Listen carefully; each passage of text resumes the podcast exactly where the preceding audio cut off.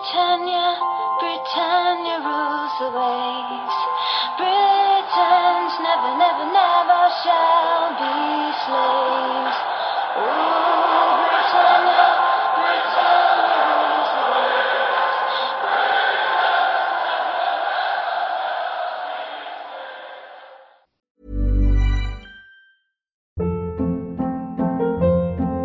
waves. Hold up. What was that? Boring. No flavor. That was as bad as those leftovers you ate all week. Kiki Palmer here, and it's time to say hello to something fresh and guilt-free. Hello Fresh. Jazz up dinner with pecan-crusted chicken or garlic butter shrimp scampi. Now that's music to my mouth. Hello Fresh. Let's get this dinner party started. Discover all the delicious possibilities at hellofresh.com.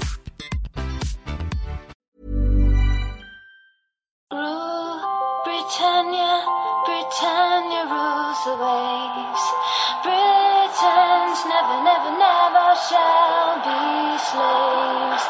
Rule, Britannia, Britannia rules the waves.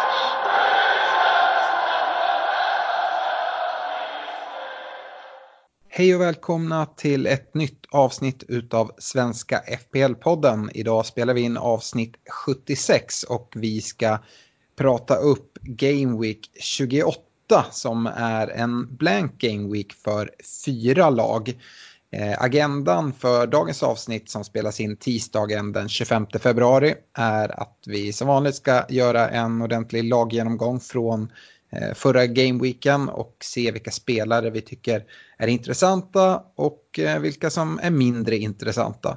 Vi kikar in i poddligan där det tätnar till i toppen, kollar in poddlaget och eh, uppdatera våra rekommendationer innan vi hugger in i era lyssnarfrågor. Stort tack till Unisportstore.se, Dynamo Sports och Glenn Sports Bar som ser till att vi har fina priser i poddligan. Jag tänkte hoppa in direkt i seriesuveränerna Liverpool som, eh, ja, de eh, lyckas vinna den här matchen men det blev precis som förra veckan mot Norwich en betydligt tuffare uppgift än vad man hade förväntat sig när West Ham kom på besök till Anfield. Eh, 3-2 vinner Liverpool till slut med och eh, mycket tack vare Liverpools fina offensiv. Trent Alexander-Arnold fortsätter leverera och på ett sätt kanske han är den mest pålitliga poängspelaren oavsett hemma eller bortamatch. Hans senaste blank kom i Game Week 16 då han fick ett inhopp och man får faktiskt gå hela vägen tillbaka till, de- till Game Week 13 för att hitta en Game Week där han varken fått offensiv utdelning eller poäng för hållen nolla. Och detta gör ju honom till en väldigt trygg kaptensalternativ eh, faktiskt. Eh, på måndagskvällen blev det två nya assist på kontot, vilket mycket väl kunde varit tre om Mané hade hållit sig på rätt sida offside-linjen. Mané och Salah är kanske de mer valda kaptenerna och det kanske finns ett case för att deras poängtak är högre, men Trent ska inte glömmas bort här. Nämnda Salah och Mané gjorde varsitt mål och eh, som sagt kunde Mané ha haft ett till på kontot om man bara hade lyckats undvika offsiden på Trents framspelning. Jag upprepar det jag sa förra veckan om att eh, Mané kan vara lite av en differential i kompisligorna som tredje Liverpool-spelare utöver Trent och Salah som återfinns i de flesta byggen. Nu i denna matchen eh, blev det ingen utdelning på Firmino, men han hotar ändå en hel del. Eh, så jag hade personligen inte offrat ett dubbelbyte på att byta min Liverpool-trio nu om det är så att man hade suttit med honom. Dessutom har ju Firmino framförallt levererat på bortaplan och han är Liverpools bästa målskytt utanför Anfield och i Game Week 28 ska de möta Watford just på bortaplan.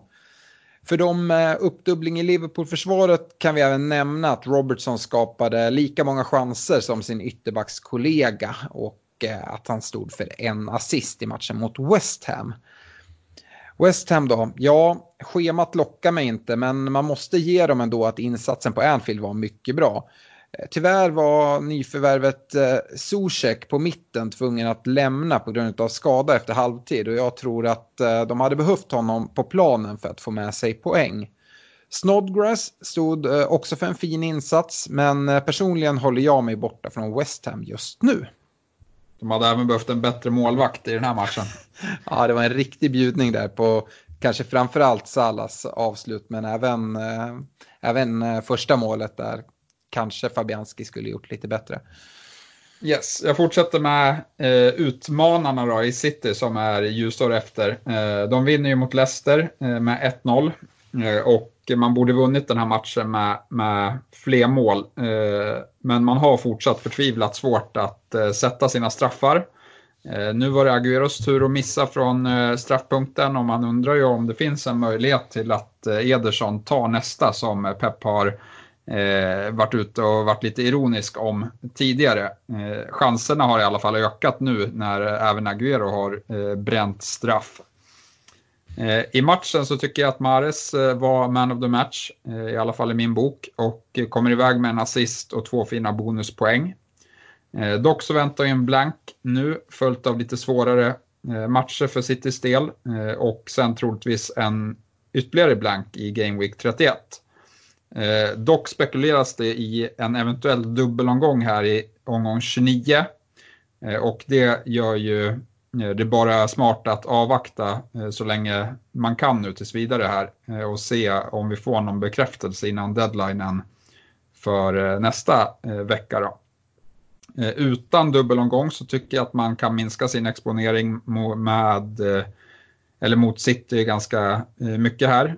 Men med en dubbel så blir det ju ett annat läge, eh, då kan det nog eh, gynnas och ha lite is i magen och eh, bänka sina City-spelare i blanken och, och se till att ha dem kvar i 29 De jag gillar mest det är ju fortsatt Kevin De Bruyne och Mares från City. Eh, och om vi kikar på Leicester eh, så var jag inne på att City vinner den här matchen klart rättvist. Men matchen hade kunnat fått en annan utgång om eh, Vardy hade satt sitt friläge istället för att skjuta i stolpen i början av matchen. I andra halvlek så blir City för tunga för Leicester och som vanligt så är det alltid svårt att analysera lag som möter City då det blir väldigt svårt att hitta något att gå på. Eh, men jag tycker i alla fall vi fick se en lite piggare Vardy i den här matchen, eh, dock utan poäng. Eh, och det som kanske är mest intressant nu är att Leicesters matcher vänder rejält till det bättre. De är det laget som rankas bäst i, i, i matchrankingen här framöver. Och Vardy, Madison och Soyuncu kan alla vara fina att ta upp här återigen framöver. Med Barnes som en outsider. Eh, just nämnda Barnes, han fick inleda bänken den här matchen, men jag tror enbart att det var eh, på grund av taktisk, eh, taktiska orsaker där, där man skulle möta sitt och jag förväntar mig att han är tillbaka från start nästa vecka. Yes. Jag ska gå vidare med Chelsea-Tottenham, en match Chelsea vinner med 2-1 hemma på Stamford Bridge. Och eh, om vi börjar med Chelsea som eh, spelar eh, Champions League-fotboll ikväll eh, hemma mot Bayern München så eh, ser vi att Kepa fortsätter fast på bänken även i Champions League och även mot Tottenham eh, till förmån för Caballero. Och I matchen mot Spurs så gör Caballero en riktigt bra match och eh, jag kan inte se att eh, varför han inte ska få fortsatt förtroende. Reece James uh, gör det väldigt bra där på, på ytterbacksidan och uh, han slår dessutom hörnorna vilket kan göra han intressant här framöver. Uh, en spelare till som jag tycker gör det bra det är Giroud och det har väl han väntat på ett tag. Skulle eventuellt kunna ge Abraham som är tillbaka på från sin skada då en kamp. Nämnde Abraham fick ett inhopp i den här matchen och såg spelsugen ut. Men eh, det är Giroud som startar nu i Champions League så Abraham är nog inte redo för, för 90 minuter än.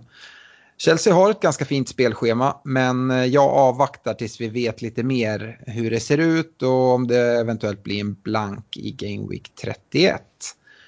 Och eh, Tottenham då, ja, Ali och Ore fick nöja sig med inhopp i vad jag antar får ses som eh, ren rotation svårighet att eh, göra mål med Son och Kane borta. Eh, vilket bland annat visar sig i att målet Spurs gör är ett självmål. Eh, Lukas och Ali och Bergwijn kommer få dra ett tungt lass med målproduktion om Spurs ska kunna avancera i tabellen. Något som jag inte tror kommer att hända.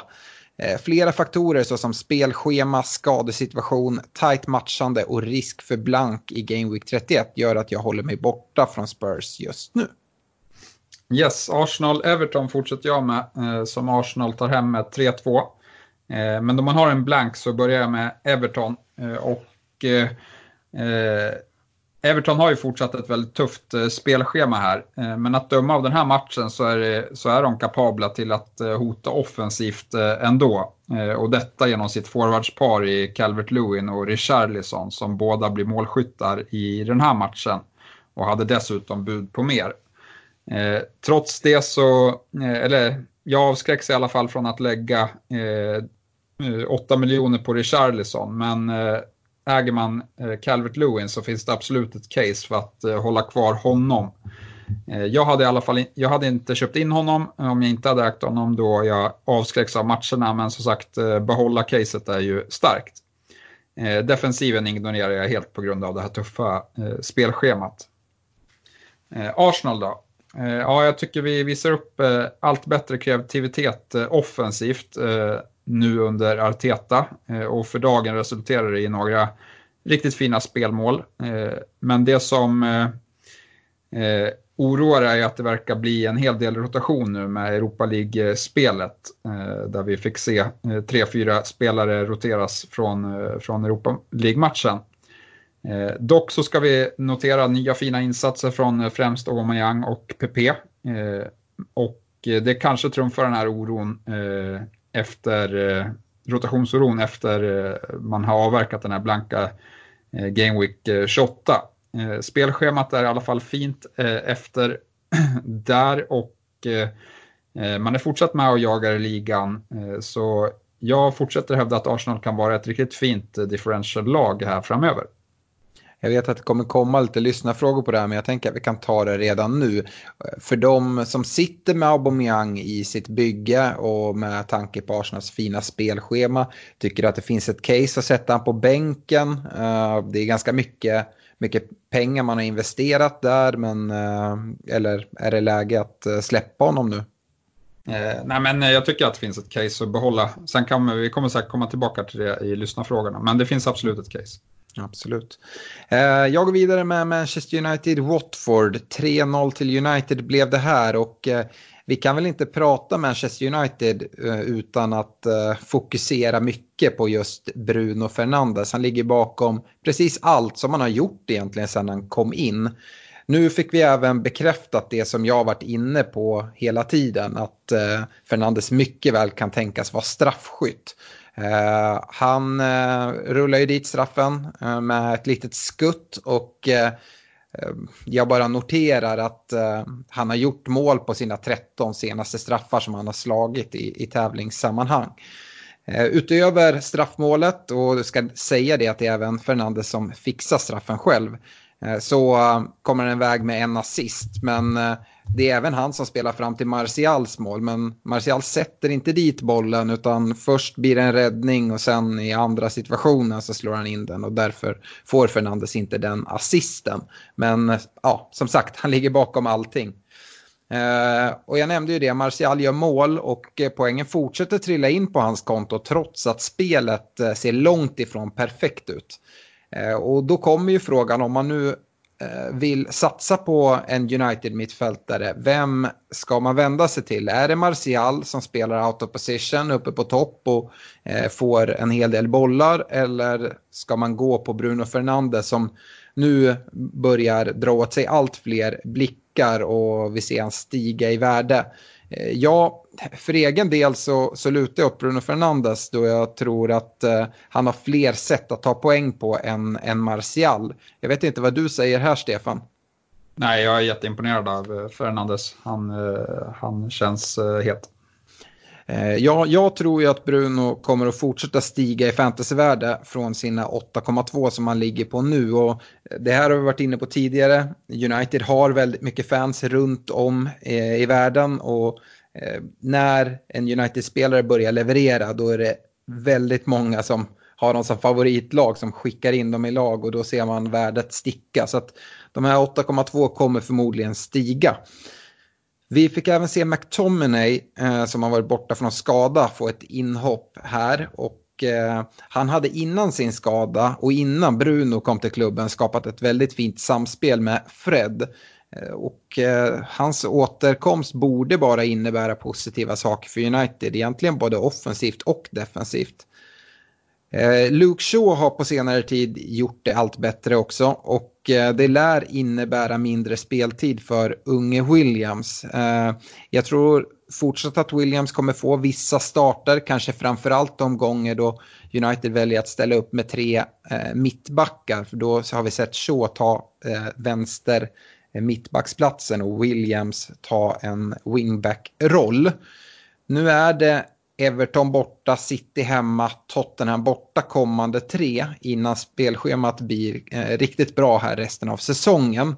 Eh, där, det gör mig lite tveksam men absolut det finns ett case att gå på Fernandes redan nu. Eh, Ja, det, men jag tycker även att det finns ett case att lite, lite avvakta fortsatt, eh, i alla fall tills till City-matchen är spelad.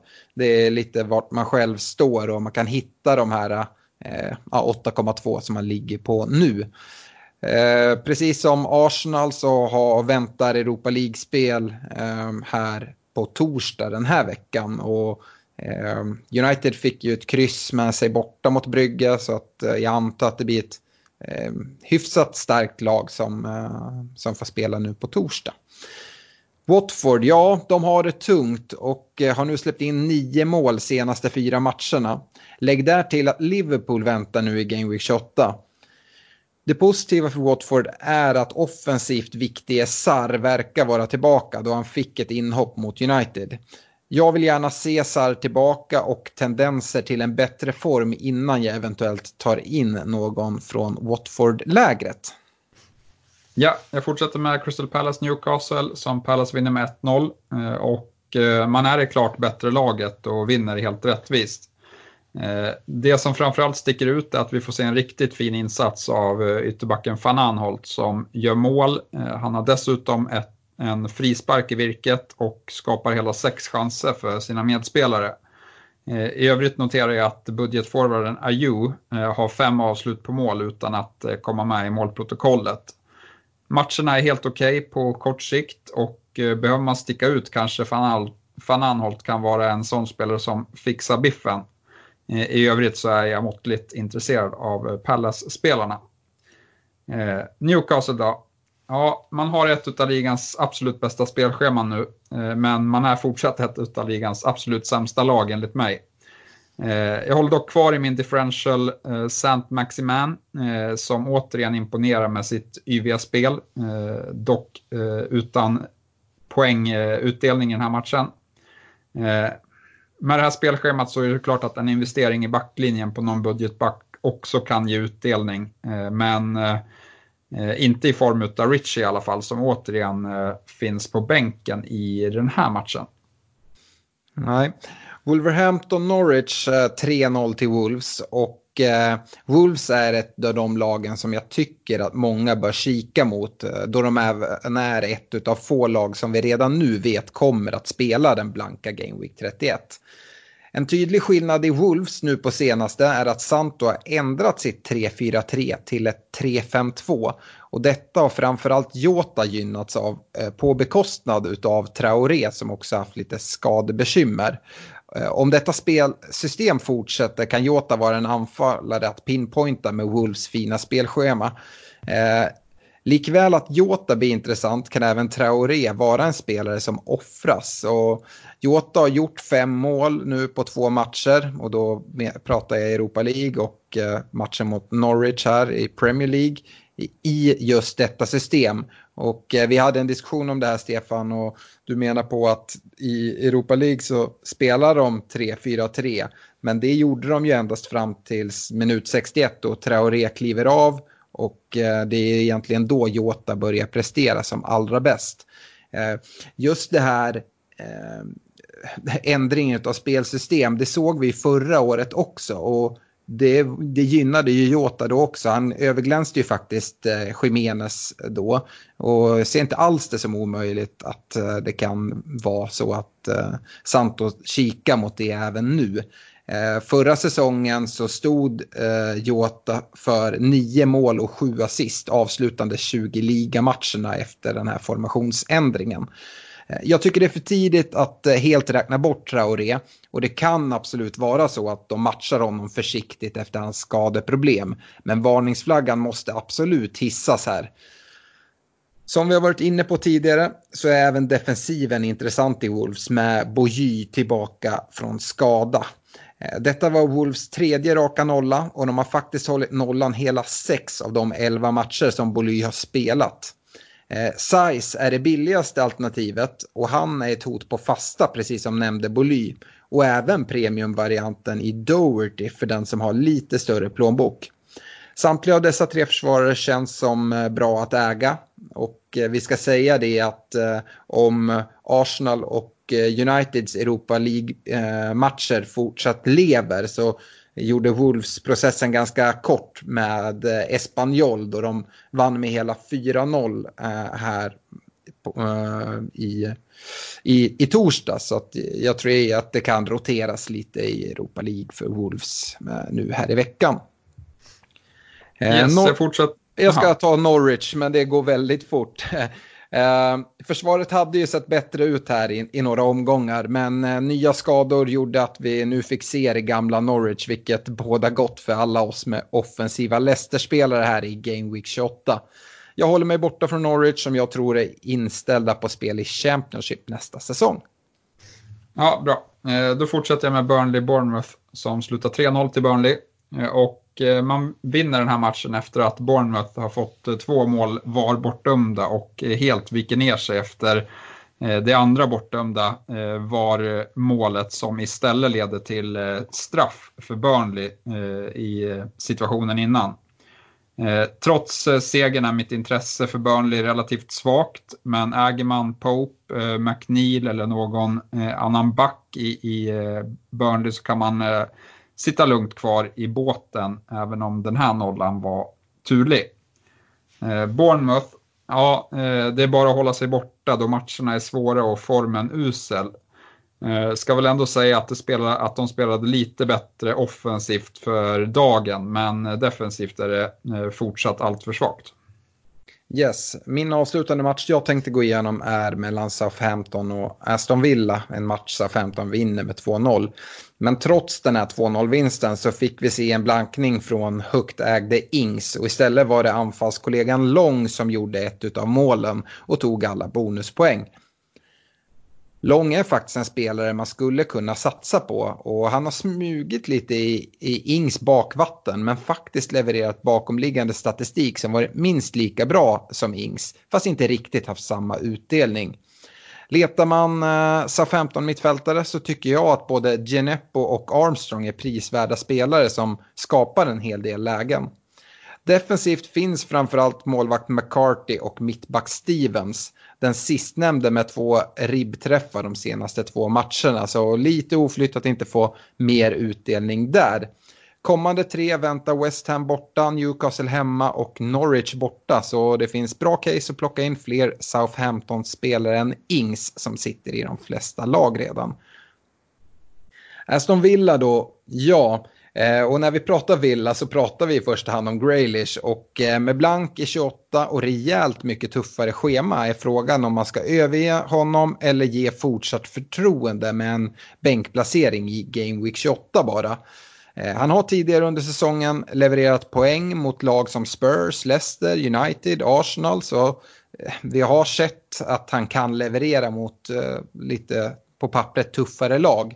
Eh, personligen har jag andra bränder att släcka, men jag vet att du Stefan kollar lite på att eh, skeppa ut honom. Och du får gärna utveckla det och se om du har några vettiga förslag på någon som kan göra det bättre för den billiga pengen som man ändå eh, kostar. Ja, nej, han är absolut ett av alternativen att byta. Jag måste ha in en till spelare som spelar i nästa eh, Game Week och då blir det ett eh, billigt backbyte eller något byte på mittfältet och då är det graders eller de Bruyne som jag har att välja på. Och, eh, då jag inte vet mer om City än så, så ligger Graylish lite illa till.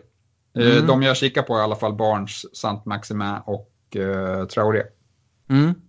Eh, jag kan ju personligen gå in där och tycka att det är lite vanskligt läge att plocka in just Traoré efter det jag nämnde i Wolves-genomgången.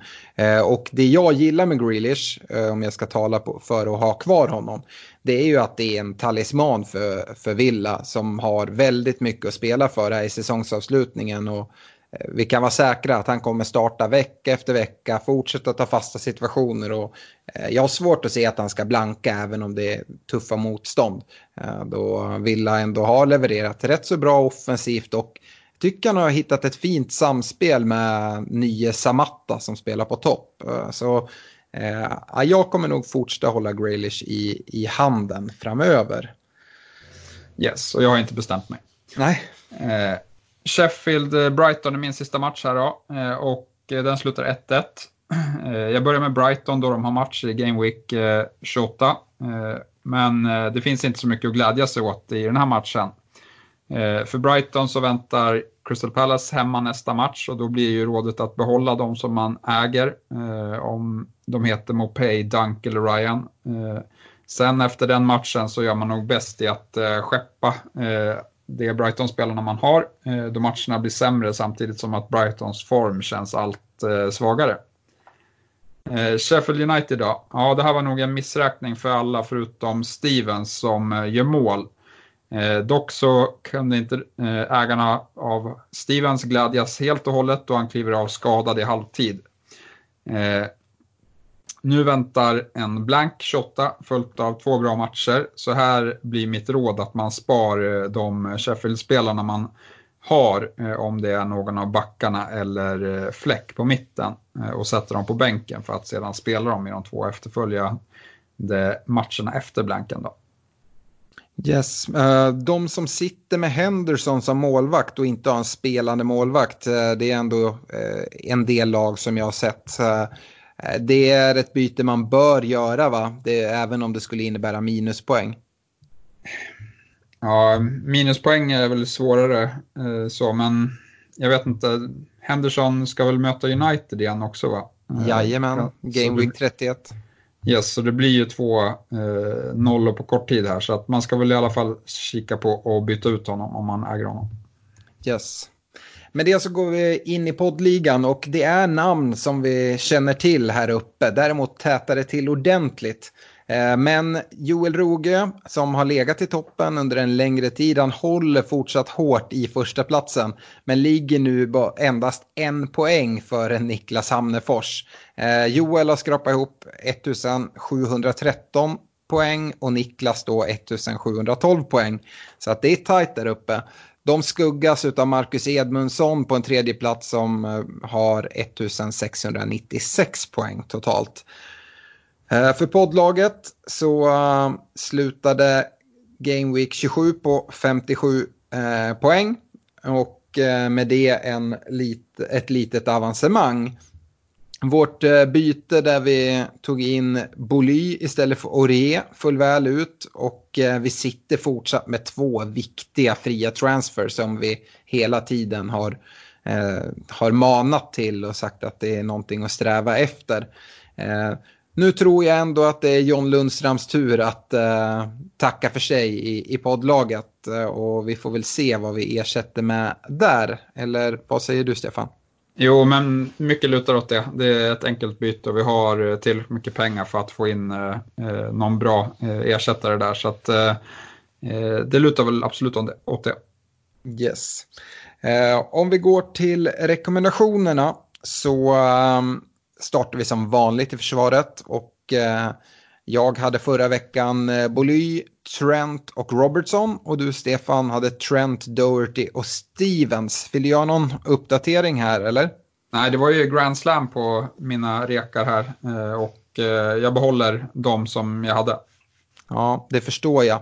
Eh, jag ska göra en liten justering. Eh, jag ska ta bort Robertson och det är för att jag vill använda en Liverpool-position på en annan rek. Så att för mig blir det Boly och Trent som fortsatt ligger kvar och eh, Stevens från Southampton kommer in i försvaret återigen. Han har åkt lite in och ut hos mig men jag väljer att byta om mina Liverpool-platser här och det kommer vi till på mittfältet. Eh, Eh, mittfältet så uh, hade jag uh, Kev Kevin De Bruyne, uh, Traoré och Sala förra veckan. Och Stefan, du hade Traoré, Mané och Sala.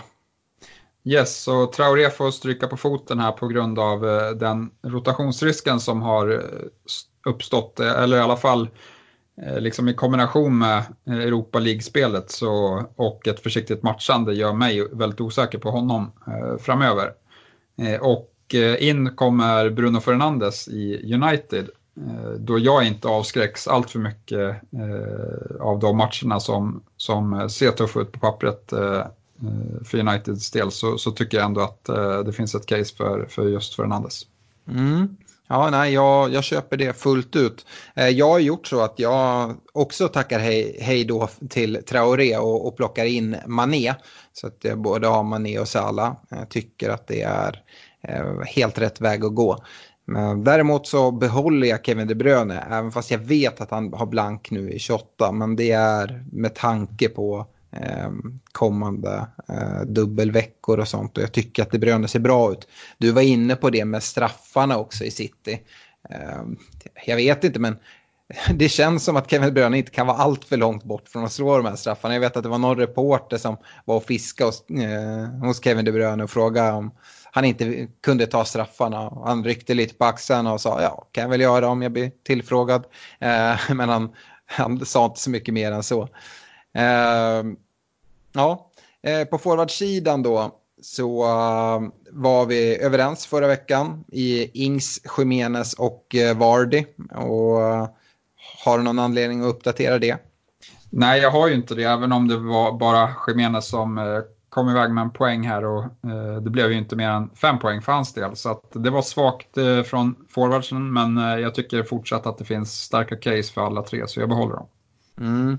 Ja, jag behåller också dem, men ska även lägga till det att om man nu inte sitter med de här redan så tycker jag att det finns intressanta sticka ut-lägen. Både istället för Ings och då plocka in billig lång eller eh, istället för Jiménez plocka in eh, Jota som visar kanonform. Eh, jag, jag ligger fortsatt kvar med Ings och Jiménez här tillsammans med Vardy men jag slår ett slag för, för Lång och Jota. Och Lång till exempel är ju en spelare som alltså det går att, att spara enormt mycket, mycket pengar på. Eh, jag tror att han ligger prisad 4,7 kan det vara så? Ja, han är billig i alla fall. 4,6 till och med ligger han prisad. Och eh, han, hans statistik är, är jättebra. Och med sig 15 spelschema här eh, i närtid så, så tror jag att eh, han har lika goda chanser som Ings att uh, sätta dit uh, en del kassar. Så där kan man sticka ut lite. Och gällande att sticka ut så går vi nu in på differentials, alltså ägarandel under 10 procent. Jag hade förra veckans Stevens, Doherty, Doherty och Pepe och eh, Stefan, du hade Boly, Barnes och eh, Saint Maximin. Och du har ju pratat ganska gott om de här tre eh, tidigare nu här i podden. Så jag eh, kanske inte ska förvänta mig att du ska ändra någon. Ja, Boly rycker faktiskt. Eh, och in kommer van Anholt. Okej. Okay. De, de, andra två eh, får vara kvar. Vad är det som Bolí har gjort som får dig att uh, vinka hej då? Jag tycker han stod för en imponerande insats här och, och spelschema ser fortsatt bra ut. Ja, nej, det är, det är differential-kategorin här. Eh, ja. Där eh, jag känner att man kan vara lite mer kortsiktig. Eh, mm. Så att, eh, nej, men Pallas eh, har fint spelschema och Fan Anholt är en spelare som har högt poängtak. Så att, eh, jag tycker att han är en riktigt bra, eller i kategorin differential så, så passar han fint in. Mm.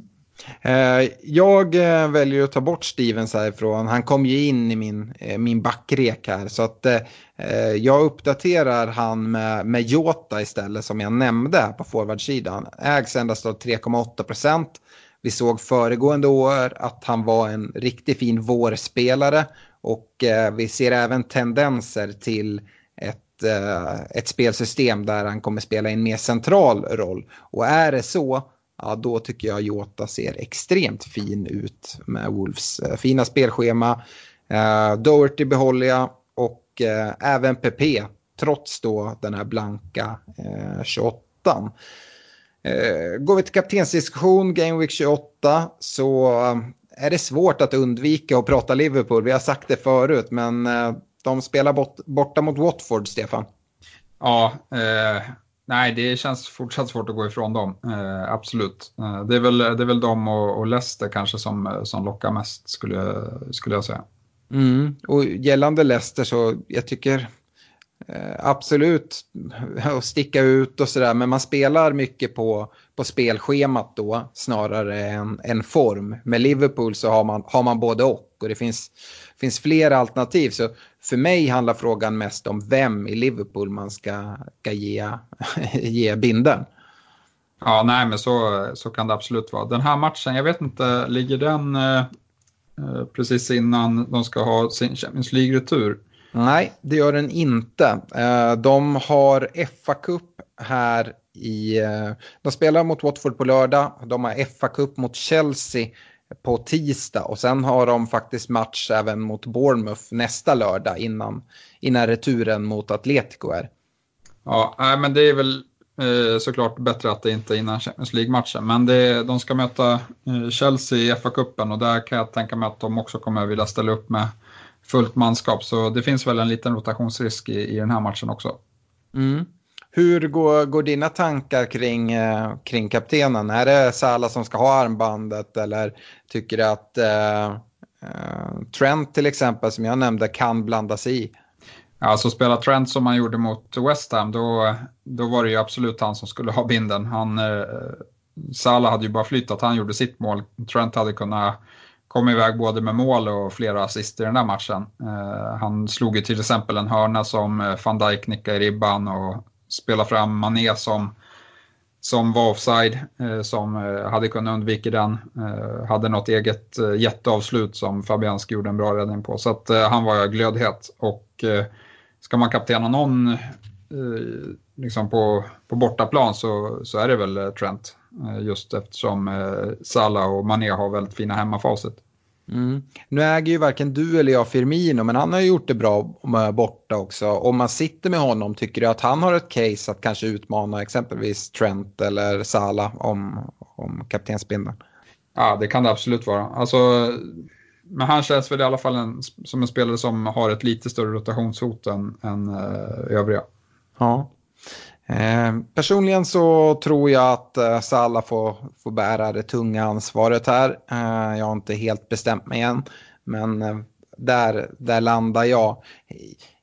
Jag tycker inte att det finns någon större anledning att diskutera andra matcher, men är det någon du vill lyfta? Du nämnde Leicester, vem är det du kollar mot där? Nej, det är ju Vardy i sånt fall. Mm. Norwich har ju fortsatta problem med, med defensiven. Eh, så att eh, det är väl mer ett bett på det. Men jag tycker inte så här, jag vet inte om det är dags, om det är läge att sticka ut med, med en sån kaptensbindel. För Vardy har ju haft eh, det svårt att få in bollen på, på slutet. Mm. Nej, jag, jag tycker vi nöjer oss så faktiskt. Det är vi Liverpool som, som kaptensbindeln ska, ska stanna på. Eh, vi ska eh, nämna det att eh, deadline den här veckan är redan på fredag klockan 20.00 då Game Week 28 drar igång med Norwich-Leicester med en fredagsmatch. Så se till att göra era byten och ställa i ordning era lag så ni inte missar någonting här. Vi ska gå in på lyssnarfrågorna och eh, varför inte börja med lite frågor om de olika chipsen. Eh, Anton Götesson eh, vill ha åsikter om att använda free hit denna Game Week med tanke på alla blanks. Ja, så många blanks är det inte. Det är fyra lag som inte spelar. Eh, det kommer bli betydligt jobbigare än så eh, framöver här. Så min, eh, mitt råd är att inte använda free hit den här gameweeken. Nej. Filip Hellgren, han är istället sugen på att dra ett wildcard i och med att så många inte spelar nu i Game Week 28. Eh, men eh, eh, undrar samtidigt om vi vet vilka lag som inte spelar i Game Week 31. För han vill inte dra på sig massor av spelare som sedan i Game Week 31 missar då också. Eh, nej, det är inte bestämt än. Det bestäms eh, efter fa Cup-omgången. Eh, spelas eh, efter deadline för den här veckan då. Eh, som var inne på eh, att Liverpool ska möta Chelsea. Det är de matcherna som är veckan efter. Så vi vet inte mer än så. Vi vet att det är två lag som har, eller vad säger två matcher som definitivt kommer gå. Och det är Wolves, jag kommer inte ihåg vilka det är nu. Wolves är ett lag i alla fall som ja. är intressant. Ja, nej, jag, jag håller med dig där Stefan och jag tycker inte att det är läge att dra wildcard. Precis som Filip själv är inne på här så man har för lite eh, kött på benen. Eh, jag tycker att man får försöka lösa eh, Game Week 28 här med, eh, med byten och eventuellt ta minus 4 om det är så att man sitter jättetungt och inte får ihop, får ihop lag. Men eh, annars bara se till att lösa 11 spelare som startar. Eh, vi går vidare med eh, frågor om målvakter. Linus Andersson undrar vem som är den bästa målvakten för eh, max 5,0 från och med denna Game Week och framåt. Och funderar själv då till exempel på Dubravka i Newcastle. Jo, men Dubravka kan absolut vara en bra shout. Jag tror som sagt nollorna kanske kommer lysa med sin frånvaro eh, relativt ofta, men han får ju väldigt mycket skott på sig, vilket kan resultera i poäng eh, ändå. Men samtidigt, det är väldigt, väldigt svårt med målvakter eh, och förutspå när han ska ta poäng. Jag, jag hade mer eller mindre gett upp Pope och nu har han eh, gått och blivit den målvakt som har plockat mest poäng i, i spelet. Så att, eh, det säger väl en hel del om hur svårt det är att förutspå eh, målvaktspoäng. Mm. Uh, vi kan, nu kostar väl Henderson i Sheffield uh, dryga fem, men vi kan väl varna lite där att om man har, tar in honom nu, att uh, som sagt han kommer inte spela i, i matchen mot United i alla fall och då behöver man ha en ytterligare spelande målvakt bredvid honom. Eh, så att det, det kan vara värt att, att nämna. Dubravka kan absolut vara, vara en vettig spe, äh, spelare att ta in. Vi har McCarthy, Southamptons äh, mål som, som också gör det bra till en ganska billig peng.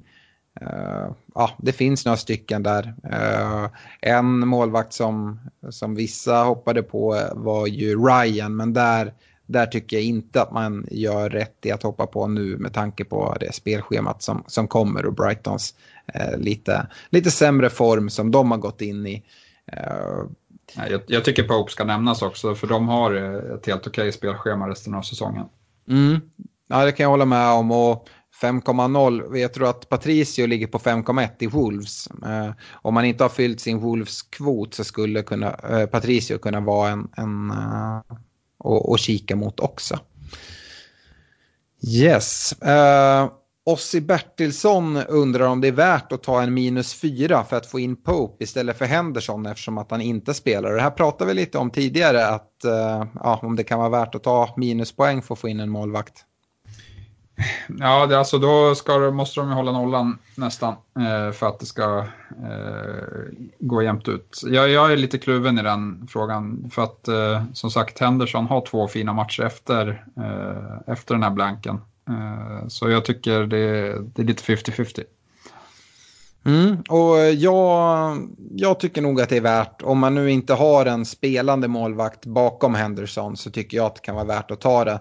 Eh, precis som du säger, för att kunna räkna hem det så, så behöver målvakten på något sätt ta, ta mer poäng. Det behöver ju inte vara en nolla, det räcker ju egentligen med att göra lite räddningar så är man ändå plus. För man får, kan ju nästan säga att man, Eh, de här eh, minus fyra så får du ju två bara för att han startar egentligen. Sen såklart släpper han in massor med mål så, så blir det ju tuffare. Men eh, ja, jag tycker att det finns en shout för det. Generellt sett minuspoäng för att ta in en målvakt, ett stort no-no. Men i en sån här omgång tycker jag att det kan finnas ett case. Eh, sen har vi fått lite frågor om byten och då kanske framförallt gällande de spelare som har blanka gameweeks i 28. Tobias Tim skriver in och undrar vad vi tror om eh, att göra Aubameyang till Vardy och Graylish till Mount eller Barnes. Mount för ett fint spelschema och potentiell eh, dubbelvecka. Barnes för ett fint schema och form. Självklart så nämner han det att han inväntar bytena till sent på fredagen om man skulle få höra något om just den här Game Week 29 där det kan bli dubbelvecka för City och Chelsea. Ja, nej, men det är sunt, sunt att han eh, tänker avvakta till fredag. Eh, det är mitt eh, råd den här veckan. För att det spekuleras mycket om att det kan komma en, ett besked om City-matchen där. Eh, sen eh, bytena ser ju fina ut. Eh, frågan är hur akut hans behov av spelare är. Man vill ju självklart sätta ett helt fullt lag på banan. Och om, om så är fallet, då tycker jag att eller att om man måste ha in två spelare för att kunna göra det, då, då är det, tycker jag att det är fina byten. Och jag hade nog gått på Barnes framför Mount. Jag har inte riktigt eh, sett vad, vad han, eh, om han har varit så bra på slutet, Mount här. Och och med tuffa matcher i, i Champions League så, så blir det mycket matchande här. Eh, dessutom tuff match mot eh, Liverpool i FA-cupen, så det finns nog ett stort rotationshot kring Mount. Ja, jag, jag, tycker att det är lite jobbigt det här att, eh, att det är en grej om man sitter med Vardy att sitta kvar med honom med det här fina spelschemat. Men vi ser inga riktiga tendenser på Vardy och att då eh, ta, ta in honom nu, jag, jag, vet inte, jag får en liten dålig smak i munnen. Det är ingenting du, du äh, reflekterar över. Nej, men matcherna är jättefina och de, alltså, de har inte råd att eh, fortsätta torska matcher. Då torskar de ju eh, sin eh, Champions League-plats till slut också. Så jag är rätt övertygad om att de kommer eh, ja, men vinna tre av de fyra kommande eh, matcherna. Mm. Och då kommer eh. Finnas med i poängen.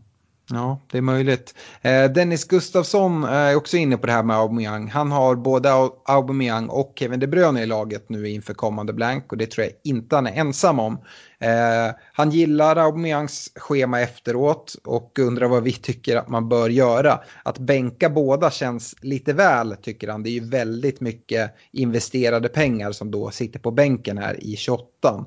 Eh, och han nämner också att han behöver jaga lite i en kompisliga och har ett fritt byte.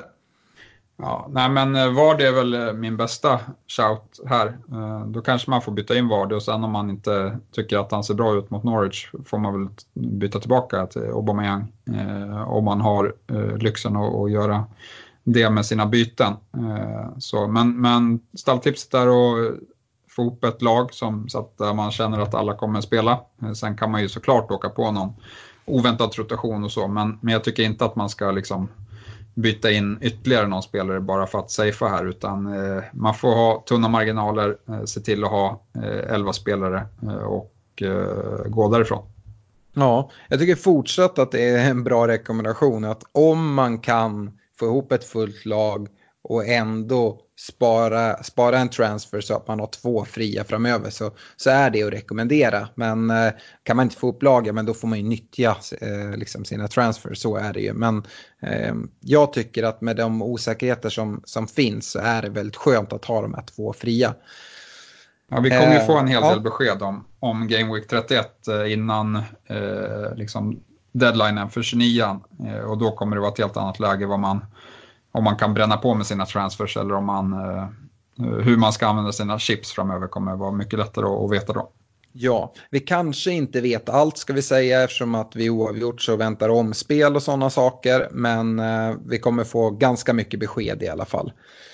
Eh, Linus Hultstrand, han har 11 spelare som inte blankar den här veckan, så grattis till, till dig.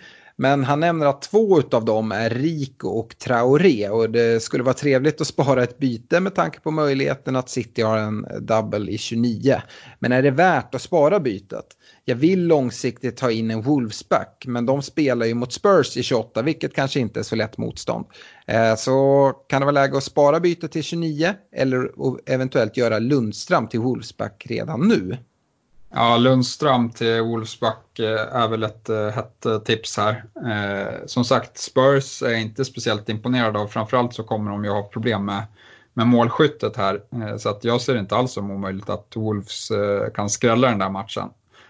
och nämnda Rico sitter jag också med privat och har inga förhoppningar. Om han spelar så har jag inga förhoppningar på, poäng där och han var ju dessutom bänkad senast så att det är inte ens säkert att han kommer till spel. Eh, så han, eh, han vet jag inte ens om han räknas som eh, en spelande spelare i nästa omgång. Ja, jag håller med. Jag tycker att Linus själv resonerar väldigt klokt i, i sin fråga. Eh, det är klart man vill spara bytet till 29, men här tycker jag det är helt rätt. Kan du göra Lundström till Boly, kör bara. Eh, självklart jag hade inväntat eh, torsdagens Europa League-matcher så det inte blir någon, någon skada på, på Boly eller sådär. Men eh, annars så kör på bara. Eh, Niklas Sjöstrand eh, skriver in. Eh, det har varit många veckor nu med skral poängskörd. Mitt logiska byte är Lundström till Boly, precis som vi pratade om. Eh, och sen undrar han, eller ska jag skeppa Graylish och ta in någon annan i liknande prisklass? Jag har redan Traoré och Madison där om, i den priset omkring. Eh, alternativ till Graylish, jag har cirka 7,0. William, eller chansa på Mora? Eh, ja, uh, nej, som sagt, uh, jag det finns ett eh, case för att behålla Graylish eh, och då eh, kanske hellre gör de, de andra bytet som, som man funderade på. Ja, Lundström till Boly, jag tycker det är ett jättefint byte. Eh, Grealish kan man sitta kvar med eh, och bänka den här gameweeken, det tycker jag ändå. Eh, Fredrik Norrström är lite inne på ditt spår, Stefan, du som pratar en del om Bruno Fernandes. Eh, är det värt att hoppa på Bruno Fernandes-tåget nu? Ja, men det kan det absolut vara. Jag, jag ger dem United goda chanser och, eh, mot både Everton och Spurs. Sen blir det väl tuffare mot City kanske, men inte omöjligt. Eh, vi har sett City svaja eh, rejält i år. Så att, eh, och United har ju dessutom slagit City redan en, en gång i, i, år, så att de har visat att de har eh, kapacitet eh, att göra, göra det. Så att, eh, nej, jag tycker Bruno Fernandes kan vara ett alternativ redan nu faktiskt. Eh, det, det, tycker jag också uh, att han är. Jag tycker det är den, den bästa. Jag tycker han spöar Martial i, om man ska ställa dem mot varandra. Uh, så uh, det kan absolut vara läge att, att satsa på, på Bruno. Jesper Lövstad undrar, Mason Mount hade en fin höst och sen blev äh, det väldigt skralt, men nu börjar det hända lite igen. Finns det någon statistik på hur mycket han skapar och vad tror ni om hans speltid när roteringar eh, börjar rulla? Eh, ja, jag tror att han är rotationshot. Eh, absolut. Kanske har sett eh, aningen bättre ut på slutet, men när jag kikar lite snabbt här på statistiken så är det inget som sticker ut skulle jag säga. Eh, så att eh, nej, jag är inte imponerad utav, utav honom och sen vet vi att eh, jag såg att William var på bänken nu i Champions League och vi har ju även Pulisic som borde kunna vara tillbaka hyfsat snart också som verkar ha någon form av konstig skada. Mm, det har vi och ska även nämna att eh, Ruben Loftus-Cheek verkar vara på väg tillbaka också. Så att, uh, jag tycker det är lite för mycket frågetecken kring, kring Mount för att uh, gå, gå in där just nu. André Wideheim Ekelund uh, undrar när man får reda på om City har en double game week i 29 Ja, det, det, borde vara innan deadline den här eh, veckan, men ingenting är säkert så det skulle lika gärna kunna vara efter också. Men eh, stalltipset är väl torsdag eller fredag här. Mm. Eh, men det är inte heller säkert att vi får reda på det. Det kan vara att de har en double i 29 som vi får reda på efter deadline. Eh, den, den chansen finns, ska vi nämna. Eh, André undrar även vilka lag ska man ha tre spelare ifrån eh, nu om man kollar typ fem game week framåt enligt oss. Så eh, jag kan väl börja där. Jag tycker att Liverpool är ett givet sånt lag och även Wolves. Det är de två tydligaste. Och Wolves vet vi till exempel då att de har match i, i Game Week 31 och jag tycker att det finns flera prisvärda alternativ där, både i försvaret och i, i anfallet egentligen. Ja, jag, jag instämmer. Det enda som oroar där lite är Wolves Europa League-spel. Men som sagt, de har redan avgjort eh, eh den här eh, rundan, skulle jag säga, med 4-0-seger hemma. Så att, eh, det kan nog vilas eh, lite nyckelspelare i returen. Mm. Och de har att spela för i, i ligan också. Så att eh, det talar ändå för att vi ändå kommer få se att eh, fortsatt, eh, fortsatt starkt lag i ligan även om såklart Europa League kommer prioriteras eh, för, för Wolves del. Eh, avslutningsvis från Facebook så eh, undrar Robin Andersson om man ska behålla Vardy eftersom att han har gått så dåligt nu i flera veckor. Ja, nu har man behållit honom så här länge ska man definitivt behålla honom eh, kommande eh, fyra omgångar. Ja, jag, jag håller med. Har man som sagt stått ut med, med det här så alltså, får man nog göra så. Jag tycker det är svårare i diskussionen om man ska ta in honom eller inte, till exempel mot att ta ut Aubameyang. Men om man har honom redan så hade jag inte gjort något byte där. Eh, om vi vänder oss till Twitter då, Stefan, eh, har vi fått in några frågor där? Jo, men det har vi. Jag ska eh, plocka fram dem här. Yes, då hade vi Tobias Karlsson, bästa ersättaren till Lord Lundström. Mm, eh, jag, jag vet inte, det känns som jag upprepar mig väldigt mycket, men eh, jag, jag gillar ju Wolverhamptons eh, schema och eh, eh, att vi vet att de har eh, match i, eh, i 31an. Och Eh, vi har ju pratat framförallt om Boly nu som kostar 4,7. Då behöver man ha lite pengar på bänken. Men eh, om man nu inte har det så tycker jag även att eh, Size är en spelare. Han är ju prisad 4,4. Han hotar väldigt mycket på fasta situationer. Man söker honom mycket, så han är stark på huvudet.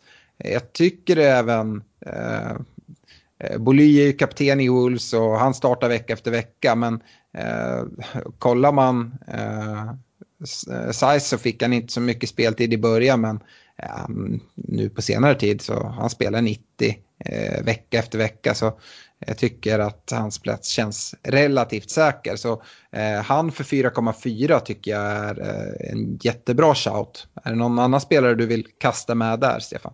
Nej, men Stevens får vi väl nämna i Southampton som ser fin ut också. Mm. Ja, jag, jag håller Wolves uh, allra högst, men uh, Stevens är inte alls uh, dum där heller.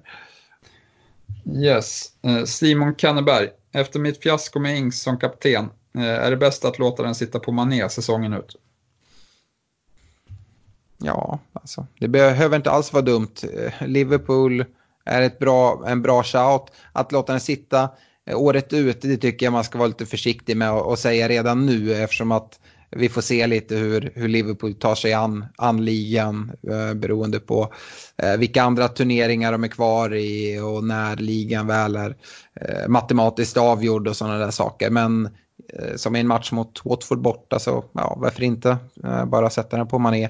Ehm, det behöver inte vara dumt och jag tror att man kommer sticka ut en hel del även där då eh, Salah kommer vara den allra tyngsta eh, kaptensalternativet i, i Liverpool-lagen. Eh, eller i, i Liverpool. Eh, Mané ägs ju bara utav eh, 23 procent och med det så kan man nog räkna en del Ghost Chips. Så att, eh, ja, det, där sticker man ut ändå.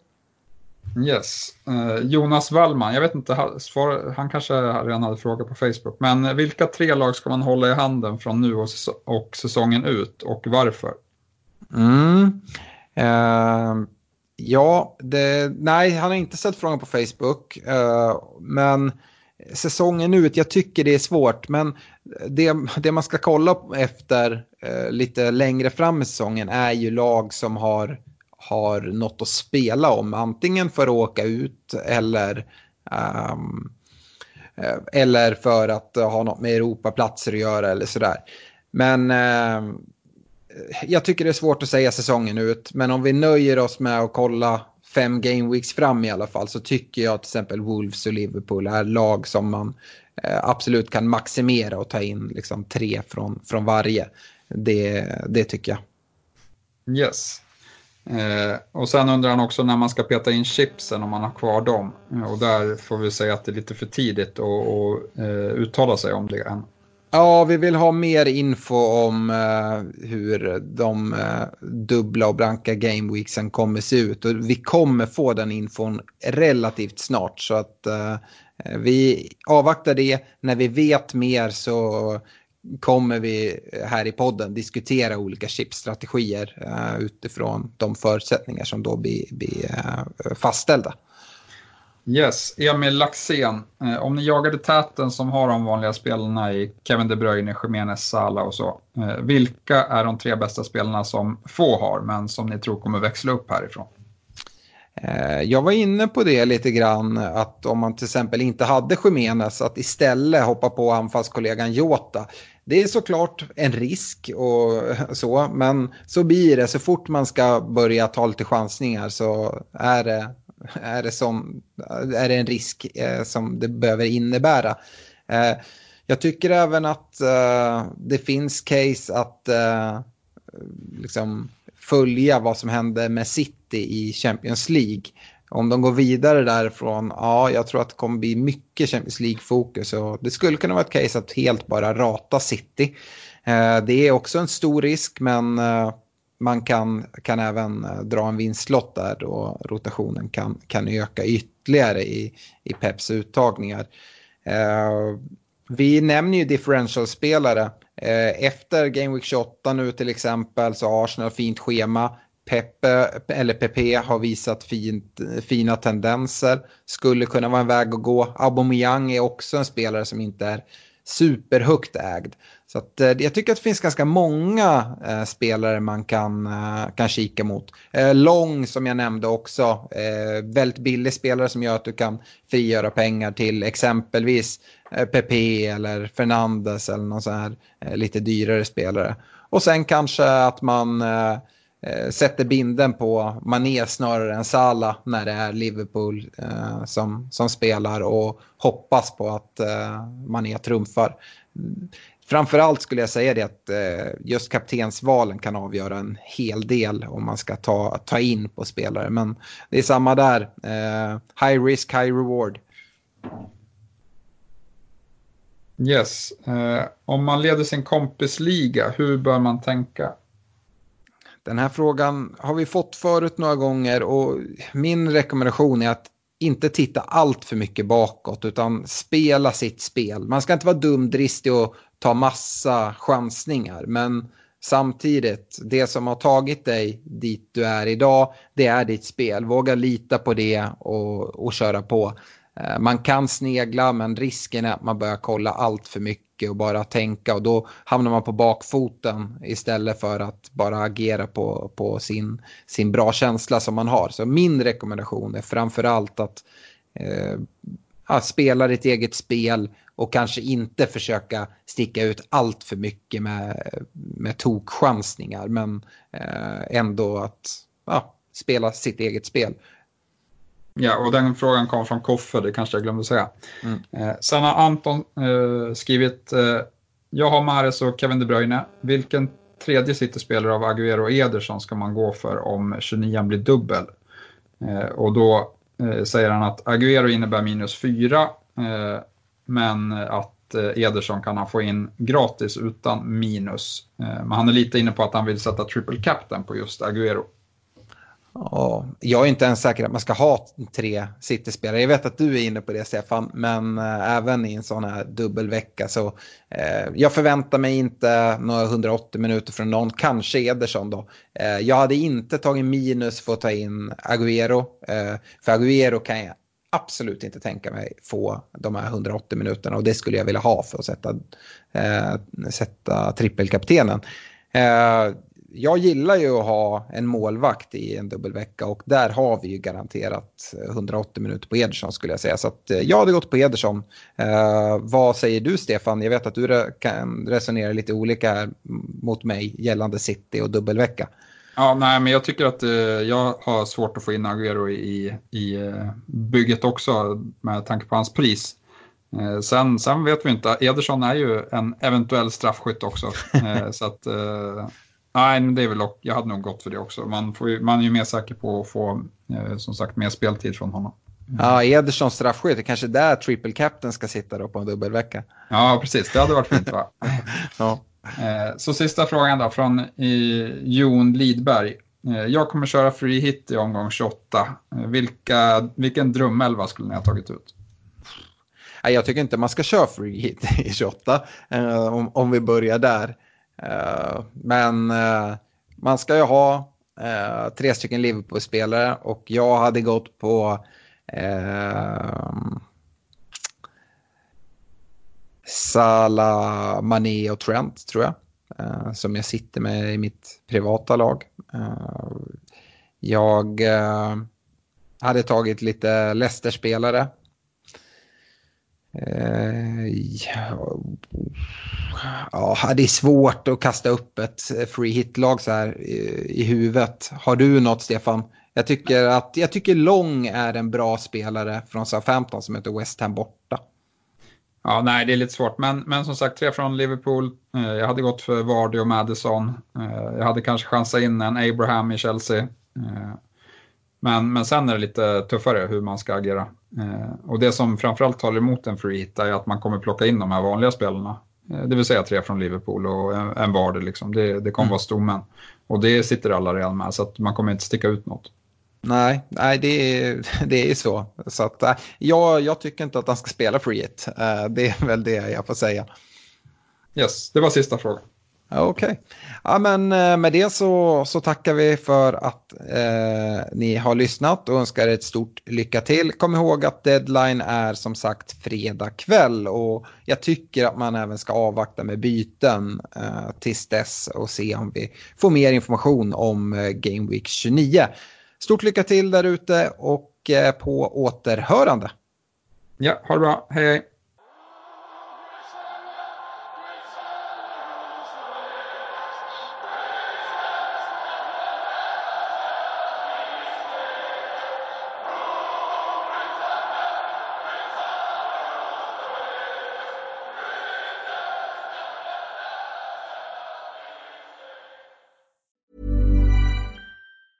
Planning for your next trip? Elevate your travel style with Quince. Quince has all the jet setting essentials you'll want for your next getaway, like European linen, premium luggage options, buttery soft Italian leather bags, and so much more. And it's all priced at 50 to 80% less than similar brands. Plus, Quince only works with factories that use safe and ethical manufacturing practices. Pack your bags with high-quality essentials you'll be wearing for vacations to come with Quince. Go to quince.com slash trip for free shipping and 365-day returns.